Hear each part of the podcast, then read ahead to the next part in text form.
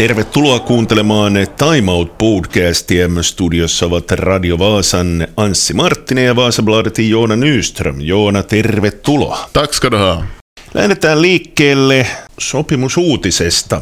Mitäs mieltä olet? Sebastian Strandval, pitkä loukkaantuminen takana. Ymmärrän todella hyvin, ettei halua lopettaa ainakaan tällaiseen kauteen. Ja, han sa ju själv också i vår intervju att, att yttre faktorer ska inte behöva få påverka. Ibland blir det så för en idrottare ändå. Men nu har ju Seba chansen att köra en säsong till. Han har kommit överens med klubben. Och jag tycker det, det känns helt rätt. Och jag har sett hur hårt han har jobbat med rehabben sen den här knäskadon som kom i, i maj i fjol. Och nu kan han fortfarande vara, bidra till laget, både i omklädningsrummet på planen tänker fasta situationer fortsättningsvis. Någonting, ett element som lite saknades i VPS den här gångna säsongen. Och, och nu måste man ju säga nu då, både Steven Morrissey och, och Seba Strandvall har skrivit på kontraktsförlängning, att det känns tryggt på något vis. Det känns som att de ska finnas där i, i Sandviken då man kommer dit på match. Joo, mutta pikkuhiljaa alkaa olla tilanne, että heitä ei enää nähdä. Eli kyllähän Sepakin tuossa jo pikkusen vähän sanoi siihen malliin, että saattaa olla viimeinen kausi, mutta saattaa. ja, no, nu, kan det vara helt sannolikt scenario att, att, att bägge två avtackas i, i slutet av den här långa säsongen som vi har framför oss. Att det ska ju spelas boll nu, åtminstone till oktober. Kun miettii nyt tuota VPS-joukkuetta, siellä on aika lailla runkopelaajien kanssa tehty sopimuksia. Siellä on oikeastaan sellaisia pelaajia, joita kaipaisin, että olisi tehty sopimukset, on Silla, joka luultavasti menee muualle, Vahtera, joka ilmeisesti kärsii loukkaantumisesta, ja sitten Pahkasalo. Kyllä mä haluaisin pitää myöskin Pahkasalon joukkueessa. Jag håller med där och, och, vi måste se lite hur det blir, för det är ju intressant läge just om man tänker Samba Silla, var längre kvar i Kuopio med Kups på testspelen var, vad Jonttu Vahtera var. Han kom hem lite tidigare och jag har varit prat om en skada jo och sen är det också att Kups så det tränarläget är ju lite oklart där för Simon Valakari lär ha förhandlat med, med andra klubbar och fått erbjudanden så att det är lite skakigt läge där också så det finns många, många rörliga faktorer som är brukbara på den här tiden med året. Och, Sen är jag också väldigt nyfiken på om vi någonsin ska få in några testspelare till Vasa, för att det har varit väldigt, väldigt tyst på det. Mikäs muuten Pahkasalon tilanne on? Onko mitään kuulunut? Han har, han har haft en, en skada för säsongen som, som har sinkat honom ganska ordentligt och, och mer än så vet jag inte i det här läget. Joo, tosiaan testipelaajia ei ole pahemmin näkynyt, pari käväisi, mutta te kirjoititte, että olisi tulossa mahdollisesti ulkomailta maalivahti.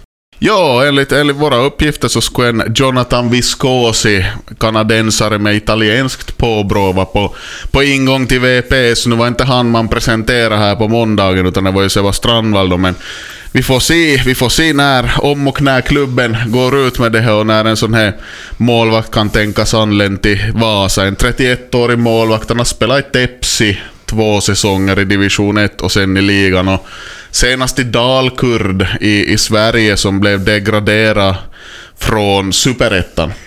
Jos tämä maalivahti nyt otetaan joukkueeseen, niin yllättääkö se sut, että otettiinkin kokeneempi veskari eikä ehkä nuorta tulokasta? Inte egentligen. Jag tror liksom på något vis att det blir en, en så kallad rockad här då, då Oskari Forsman som har dykt upp på träning med Kalev Tallinn försvinner så tar man in en rutinerad målvakt istället. Och han verkar vara, jag har sett lite klipp på nätet och så han verkar vara lite så typiskt nordamerikansk, att han är som väldigt professionell i allting han gör och, och, och, och kan vara en sån där personlighet som man kan ha stor nytta av i klubben annars också eventuellt som någon sorts mentor eller någonting liknande.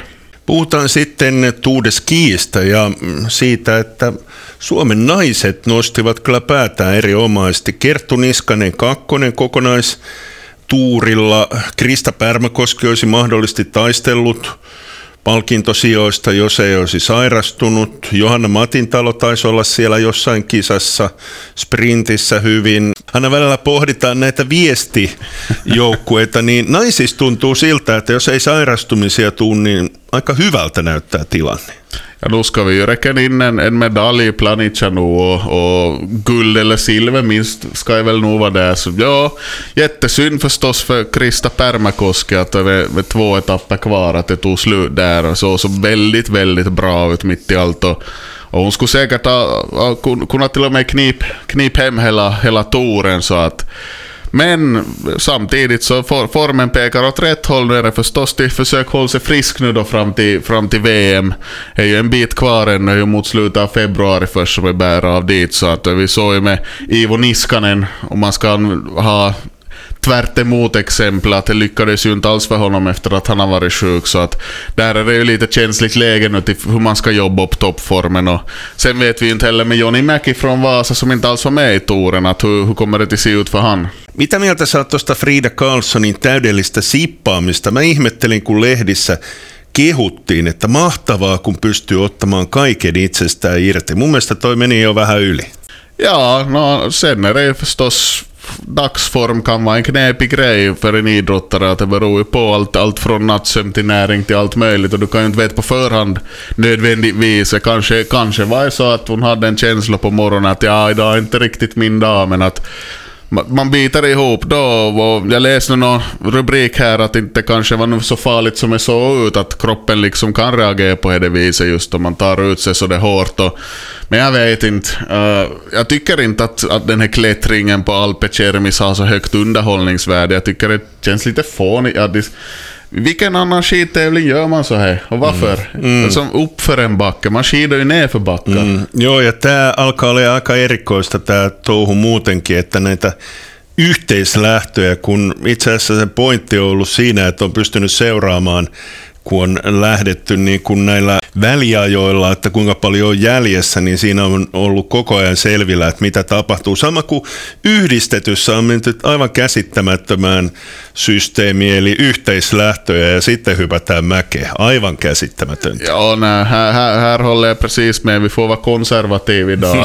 Varför ska man förstöra fungerande koncept? Mm, mä oon ihan samaa mieltä. Time Out Podcast käynnissä studiossa ovat Vaasabladetin Joona Nyström ja Radio Vaasa Anssi Marttinen. Sportista puhutaan.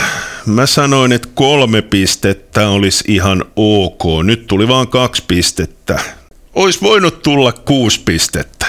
Jo, jag efterlyser väl kanske fyra poänger då från de här förra veckans tre bortamatcher. Och, no, inte, inte var ju som... Tre poäng var ju nog nära. Jag menar, Kalpa matchen förlängningen där var nog friläge var, och det var att egentligen enda matchen som, eller matchen som man tänkte sig att de skulle behöva ta tre poängar i var ju han som gick sämst första matchen för veckan då det blev 5-2 stryk mot Jukurit. Att sen de här två andra matcherna, Kalpa är svårspelad borta och, och Ilves har ju ett väldigt bra lag. Att det blir poäng i båda så tycker jag ändå är hyfsat bra. Problemet blir ju här just den här belastningen som vi har talat om på, på de här stjärnspelarna och jag, jag ringde åt, åt Risto Dufa där efter, efter Kalpa-matchen i, i torsdags och så sa han att de har försökt balansera rutan och sen pratade jag med honom igen efter Ilves-matchen och då sa han också att att de försöker gräva energin. De hade varit på något vinterbad och badtunnu Jyväskylä dagen emellan. Och men då måste man ändå ställa den frågan att okej okay, visst, än konkurrerar man om den här åtråvärda playoff-platsen men samtidigt så tycker man att man har för tunn trupp. Men att ja, men varför får de här unga spelarna chansen då? Att, va?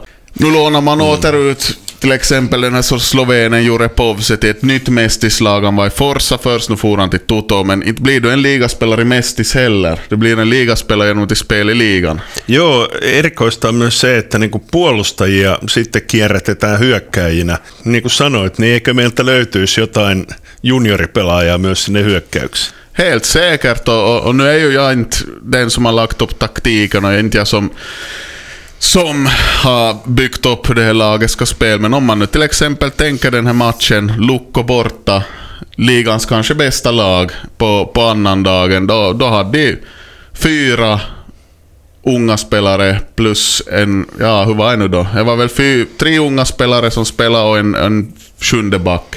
Och man tog det till förlängning mot Lukko och tänkte den matchen. Alltså, för en sån här Matti Meikäläinen som man vill känna sig som ibland så förstår man inte riktigt att ja men varför kunde de fortsätta med det då? Att, va? Och samtidigt just såna unga spelare som är vana till att ha bärande roller i sitt lag, att sätta dem i en fjärde kedja så det funkar kanske nödvändigtvis inte. Så att med allt det här som Sportis har gjort nu på sistone och det här om att på att ligan-konceptet och det här så traskar de fortfarande i samma fotspår ändå med hur, hur laget matchas. Så att nu, nu finns det att fundera på där ännu. Mitäs nämä tiukat ottelut, eli nyt on hävitty tosi paljon voittolaakauskisassa tai jatkoajalla, kun joudutaan pistämään nämä ykkösketjut niin koville varsinaisella peliajalla, niin sitten ei enää riitä potkua tonne jatkoajalle, vai mistä luulet, että nämä tappiot johtuu? Niitä on sportilla paljon. Ja, nu, åtminstone nu i lördags så var nog lite Frida Karlsson där i, Tammerfors. Sport fick ju ett powerplay, spela två sista minuterna ungefär. Uh, fyra mot tre i förlängningen, men, men det var inte så hemskt mycket rörelse då någon mer. Det var ganska stillastående och, och nu fick de till någon chans då genom individuella prestationer, men nu skulle jag kunna prestera mycket bättre powerplay nu. Sitten puhutaan toisesta jääkiekkoturnauksesta, vaikka sä sanoit, että ollaanko ihan hiljaa siitä. Eli siellä on U18 tyttöjen turnaus käynnissä ja siellä taitaa olla kaksi joukkuetta, jotka taistelee mestaruudesta. Ja, ganska tydligt verkar det ju vara Kanada-USA-axeln som, som är, kör där. Att Finland har nu inlett mot just de här två Kanada tror jag slutade 8-0 förlust och USA var väl var igår, alltså måndag, 8-1 förlust. Så att det ser ut att vara som att det här klyftan mitt i allt håller på att växa tillbaka igen. Som Finland var på väg lite och, och få ihop då. Det var ju en VM-final som vi minns och sådär. Å andra sidan sen så tyckte jag mig se att Kanada-Sverige då måndag kväll slutar 4-2, så att kanske är Sverige som är på gång nu. Jag, nu ska inte jag gå och säga för mycket, för jag har sett allt för lite av hur de har spelat. Mm, samat sanat on kyllä tullut katsottua todella vähän noita otteluita. Eilen katoin toisen puoliajan Suomen ja Ruotsin harjoitus maaottelusta A-maajoukkuetasolla. Ehkä ton ottelun ainut hyvä puoli oli se, että siellä oli paljon – uusia nuoria pelaajia mukana. Ja, en sån här klassiskt januariupplägg att man tar, man tar med all, all, alla möjliga som kan ha tänkas ha en potential att, att vara en del av landslaget i framtiden. Och förstås, no, vi hade ju Antonio Lysanja där från, från Jakobstad. Man undrar ju när vi ska få nästa Vasa-kille som, som kliver in i A-landslaget. Kanske skulle vara Ronny Hood. Toivotaan näin, toivotaan näin. Puhutaan vielä torstaista vähän, eli torstaina taitaa olla urheilugaala, vuoden urheilija valittaja. Siitä on käyty melkoista kädenvääntöä, koska tänä vuonna Suomella on ollut todella hyviä urheilijoita. Siellä on puolen tusinaa sellaista, jotka voitaisiin valita. Uskaltaako kysyä? Mä en voi äänestää, koska en kuulu tähän liittoon. Joona ilmeisesti on äänestänyt, mutta uskallatko kertoa, ketä olet äänestänyt vuoden urheilijaksi? Jag kommer ihåg.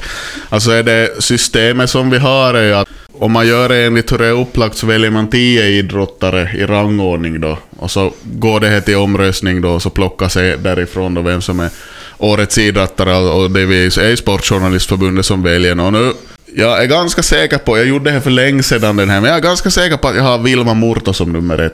Mä oon kans aika lailla murron kannalla, mutta ehkä siinä on se, se tietynlainen yllätyksellisyys, mutta oishan siellä ollut Rovanperä, joka hallitsi sarjaa mennen tulle Iivo Niskanen. Paljon on puhuttu Lauri Markkasesta, jag hade ju Ivo Niskanen då och Lauri Markkanen i topp tre där. Nu minns jag inte vilken ordning. Mm. Uh, Ivo Niskanen trots allt OS-guld är OS-guld och han kommer förmodligen till vindtiteln även den här gången. Om man tänker på till exempel hurdan demografin inom Sportjournalistförbundet så lutar det väl lite åt att att det är ganska man, mansdominerat och, och, och, inte, inte alla de här yngsta karlarna mer heller, så då känns det som att det går ganska traditionsbundet om man tänker skidningen och Finland. Så kommer Niskanen till vind det här. Sen hade jag också Rovanperä ganska högt där, men jag, jag tycker nog Markkanen, om man tänker på att han är som han är Finlands första riktiga superstjärnor. Och basket är ju trots allt en global sport. Och det är verkligen inte lätt till, till koms ens till, till NBA, till, till proffsserien i Nordamerika och sen till bli en stjärna där så det är väldigt få spelare som når upp till den nivån. Och till kom från Finland och gör det, det är nog, är nog kova. Aikoinaan, kun Jari Kurri voitti viidennen Stanley Cupin, häntä ei valittu vuoden urheilijaksi, vaan EM-kultaa voittanut Päivi Alafrantti voitti tuon titteli, että kyllä silloin ainakin oltiin vielä aika lailla yksilö urheilutasolla. No, me näemme torstaina, kuka voittaa. Onko Joona vielä mielessä jotain paikallisia urheiluuutisia? Ja, no om man, om man vill fara se på skidåkning så kan man fara till Vörå i helgen. De kommer att ha granskningstävlingar för, för junior-VM där. Blev flyttat någon annanstans ifrån. Rovaniemi. Rovaniemi, det var för kallt där. Joo, ei kun siellä ei ollut niin Vai- kylmää, vai mutta siinä, snö? ei kun siellä oli tilanne sellainen, että sinne odotettiin paukkupakkasia, mutta sitten kun kisat oli siirretty, niin siellä oli kuulemma unelma sää ollut, että ne nu ska vi få regn här. Joo, tää saa nähdä, onko meillä muuten lunta vöyrillä. Ja, no, de har nog banan i skick tror jag där, oberoende om det blir lite dåligt väder. Så, Men vi får, vi får se hur det ser ut i helgen. Kiitoksia Joona Nyström. Tack, tack.